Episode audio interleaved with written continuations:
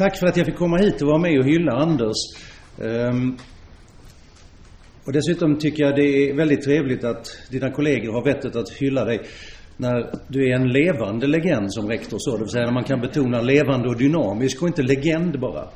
Annars har vi ju en tendens att hylla folk när, när liksom det är för sent. Och det är väldigt trevligt att få vara med. Senast så samarbetade jag med dig i den här utvärderingen av miljöutbildningar.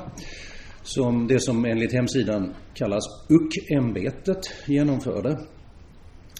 Och när man ska prata så här dags så bestämmer man sig, och särskilt om man från början är lundensare, för att vara provokativ.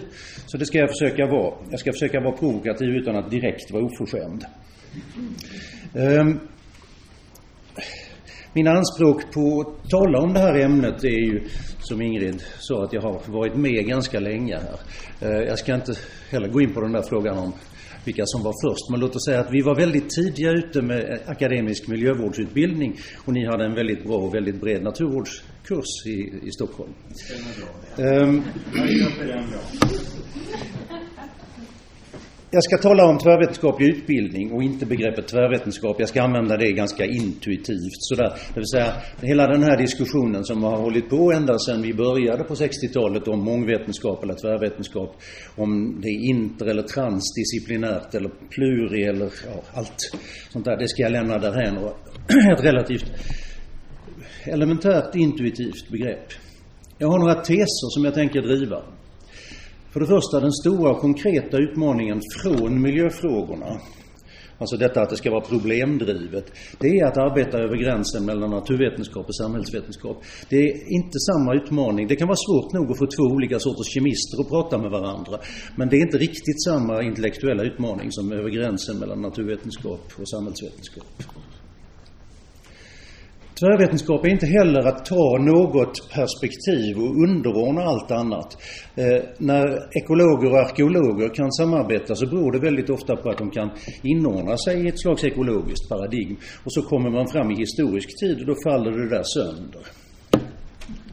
Jag skulle vilja påstå att den instrumentella synen på samhällsvetenskap, beteendevetenskap och rättsvetenskap som har funnits och fortfarande finns i en hel del miljöutbildning är ett problem eh, när det gäller att verkligen utveckla tvärvetenskaplig miljöutbildning. Eh, en av de stora planeringsteoretikerna, Sir Peter Hall, säger att planeringsutbildning eh, kan och bör vara eklektisk. Och jag tror att disciplinöverskridande, all disciplinöverskridande utbildning kan och bör vara eklektisk i den meningen att det kräver inte alltid helt nya tvärvetenskaper. Ibland kan man bara plocka saker och ting när man bygger upp utbildningar. Men då har man naturligtvis också det eklektiska problemet. Kan man plocka saker som faktiskt går ihop? Eklektisk används ju ofta inom konstvetenskapen som ett skällsord för att man sätter samman stilar som inte fungerar ihop. Eh, det finns också ett behov av i systemen att erkänna att vi behöver professionsutbildningar med vad jag kallar enkel tvärvetenskap. Alltså man plockar ihop ganska elementära saker. När vi byggde upp turismforskning och turismutbildning i Östersund så var det någon som sa att vi ska flytta forskningsfronten. Jag säger, här ska inte flyttas några forskningsfronter. Här ska tas etablerad kunskap, etablerade metoder och sättas samman i nya, eh, nya mönster. För det är ofta det vi behöver och inte någon slags pretentiös tvärvetenskap. Eh, Tvärvetenskaplig utbildning kan man inte prata om utan att i någon mån beröra tvärvetenskaplig forskning. Och skälen är naturligtvis dels att utbildningen, det är det positiva att utbildningen ska vara Eh, Eh, vetenskapsbaserad. Men det negativa är ju också att situationen för tvärvetenskaplig forskning påverkar utbildningen. Bland annat för att synen på kvalitet är så tydligt kopplad till forskning och av och till är det ganska konventionella och inte så konstruktiva synpunkter. Och dessutom är det ju så att inte minst i Sverige så är utbildning inte en karriärväg på samma sätt som forskning. Eh, jag menar, när amerikanska universitet anställer sina professorer tio månader om året för att markera att de just är anställda för utbildning.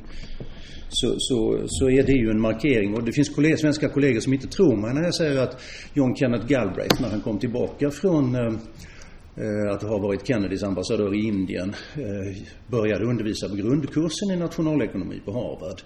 Eh, men det är ju ett amerikanskt eller ett civiliserat system överhuvudtaget, det vill säga inte det svenska. Ehm, ganska självklart att man gör det. Den som har bäst överblick ska naturligtvis eh, undervisa och eh, locka nya studenter. Och det är ju en av de sakerna som jag har förstått genom åren att, att det har ni lyckats med här. Alltså att hålla en kvalificerad, alltså kvalificerade föreläsare och inte, inte lägga grundutbildningens lägsta nivåer till, till de som är minst erfarna. Av och till så behöver de göra det. Johan behöver ju göra sina misstag också men de ska inte ha allt samma. Studenterna ska inte vara försökskaniner för allt mycket, allt för mycket.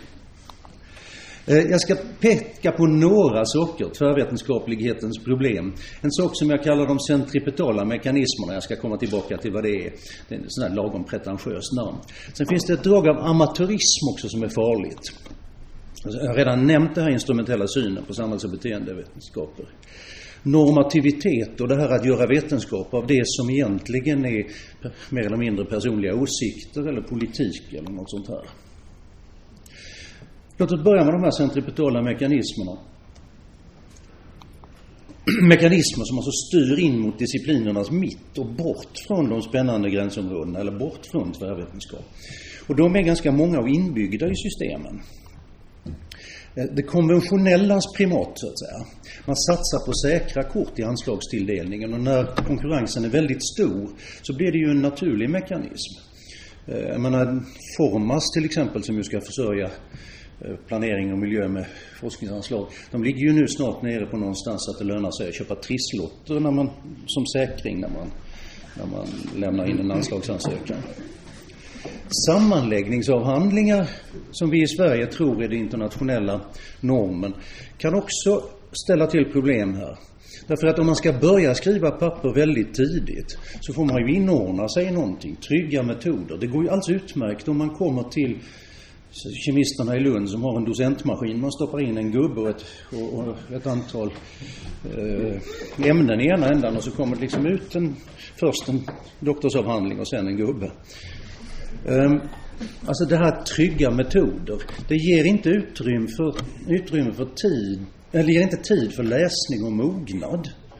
Och ska tvärvetenskap fungera så kräver det ju just inläsning och mognad. Alltså Johans frustration inför bristen på historia, det är ju bara ett sådant exempel på att eh, folk tror att, jag menar man kan höra kollegor säga att redan 2008 föreslog jag Ja, just det.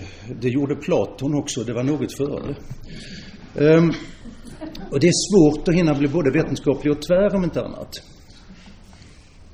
Sen kan peer review faktiskt också vara ett problem här. Inomvetenskaplig kvalitet premieras. Alltså etablerad teori står det väldigt ofta eh, för folk som får sina manuskript refuserade.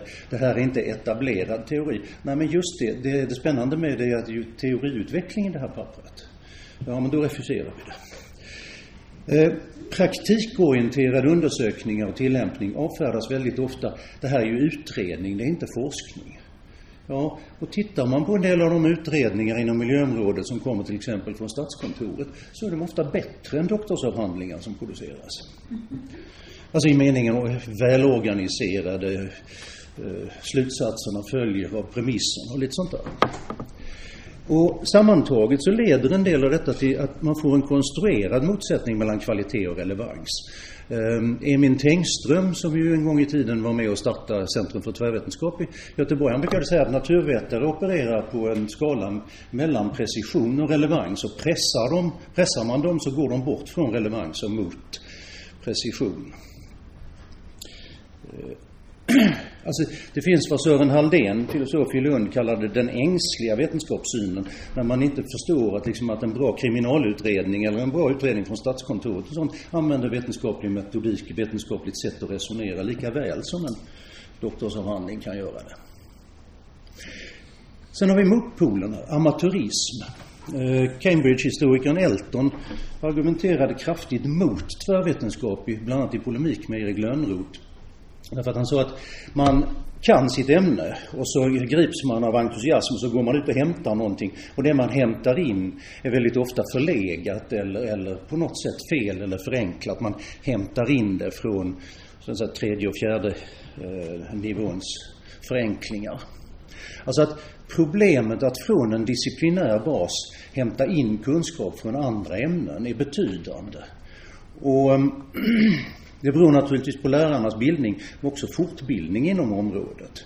Och det är inte någonting vi ägnar särskilt, alltså om de inte forskar så finns det inte källor till fortbildning och ofta är det helt andra källor vi skulle behöva när det gäller tvärvetenskaplig utbildning.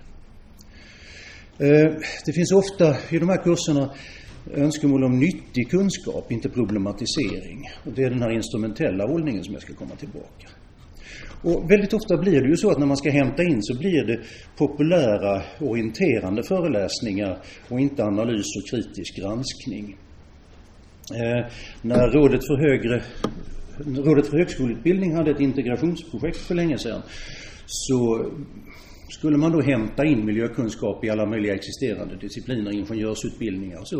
Och det blev ju väldigt ofta bara någon slags väldigt allmän föreläsning. Det var väl någon lite arrogant sa vi i Lund att det där är Bodil Jönsson-syndromet. um, sen har vi det här med förvetenskapligande som jag ska återkomma till, men det här att man gör vetenskap av det som egentligen inte är vetenskap. Och mycket av den här amatörismen det möjliggörs av att det är fullt möjligt att inom det här systemet avskärma sig. Eh, skolbildningar och inte minst eh, är det väl det kan jag som kommer från Sveriges minsta högskola säga. Inte minst är ju det möjligt att avskärma sig på små högskolor. Små högskolor kan till och med bli kapade av sektor och sådär.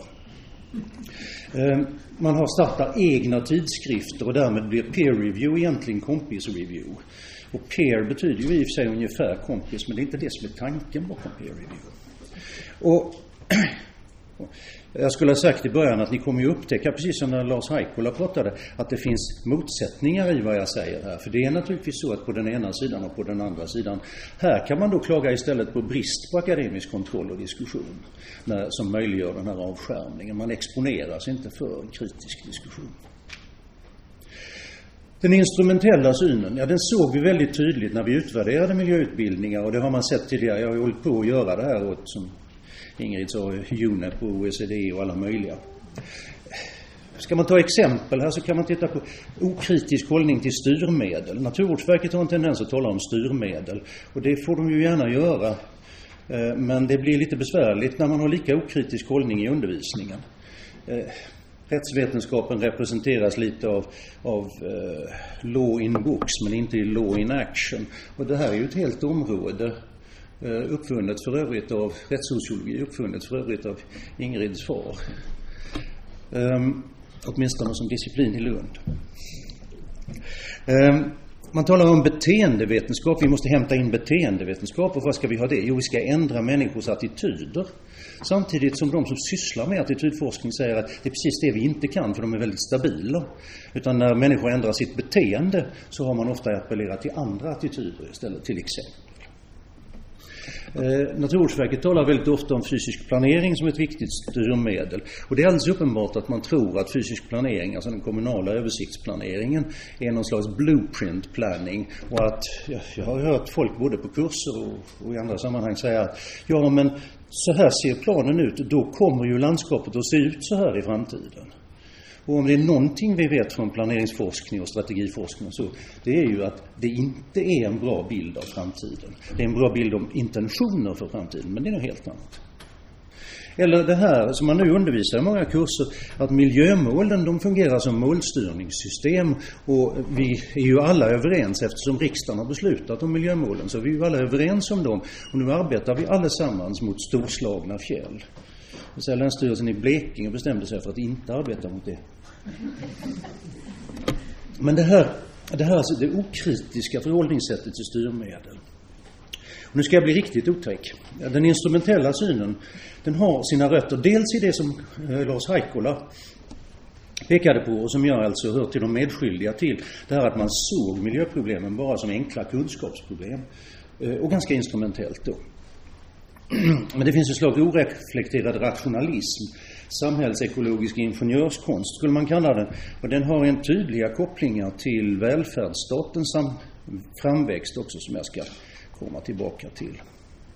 Det finns föreställningar om ekologiska imperativer, alltså att överordning som gör att vi måste eh, måste göra saker och ting. Att de som kan tala om de ekologiska problemen kan också tala om för oss hur vi ska lösa dem. Och det är inte alltid så säkert. Det finns föreställningar om att det uppstår diskurskoalitioner bara vi är överens om väldigt vaga begrepp som hållbar utveckling. Alltså koalitioner av aktörer som har samma eh, uppfattning, inte bara om de här vaga begreppen, utan också vad problemen är och vad åtgärderna är. Och jag gjorde en del studier på 90-talet eh, som väldigt tydligt visar liksom till exempel miljömyndigheter och sektorsmyndigheter. De är överens på den retoriska nivån, de kan vara överens på den policynivån och så är de alldeles oeniga om, om eh, åtgärdsnivån till exempel. Och sen för att vara brutal, när man hör en kollega säga att ja men det där med samhällsvetenskap, det kan väl vilken vaken tidningsläsare som helst klara av. Då får man nog ändå säga att punkten ren okunnighet om samhället också finns med som ett problem här. Man måste problematisera de egna frigivettagandena här. Och det måste man få hjälp med att göra. Och man måste få hjälp med vad är det för existerande kunskap som vi kan hämta in som gör att vi blir bättre, inte förstärker våra egna uppfattningar bara. Eh, någonstans på min egen högskolas hemsida någonstans står det att hållbar utveckling är ett precis vetenskapligt begrepp. Jaha. Eh, det här är Brundtland-kommittén som man vill illustrera med en bild, uppfattning om, alltså avvägning mellan ekologisk, social och ekonomisk hållbarhet. Det avvägs och förhandlas mellan intressen. Det är också basen för plan och bygglagen.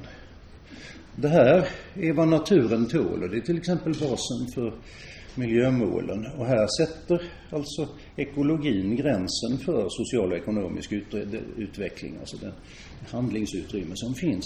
Och det är väldigt många som inte uppfattar att när man talar om hållbar utveckling i den lagstiftning samlat vi har, miljöbalk och plan och bygglag och massa så, så, så är det själva verket två helt olika hållbarhetsbegrepp, väldigt grundläggande olika.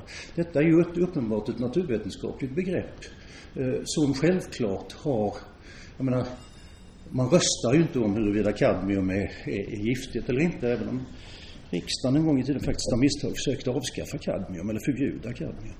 Um, men på, på, samma sätt, det är inte bra att låta tjänstemän eller experter avgöra huruvida någonting är bra eller dåligt i utvecklingen av, av lokalmiljön.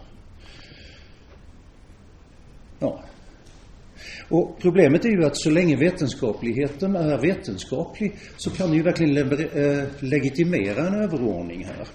Men när vetenskapligheten blir att fastställa vad som är god bebyggd miljö eller att fastställa eh, hur mycket det ska myllra i våtmarkerna och så vidare, så blir det ju ibland lite problematiskt.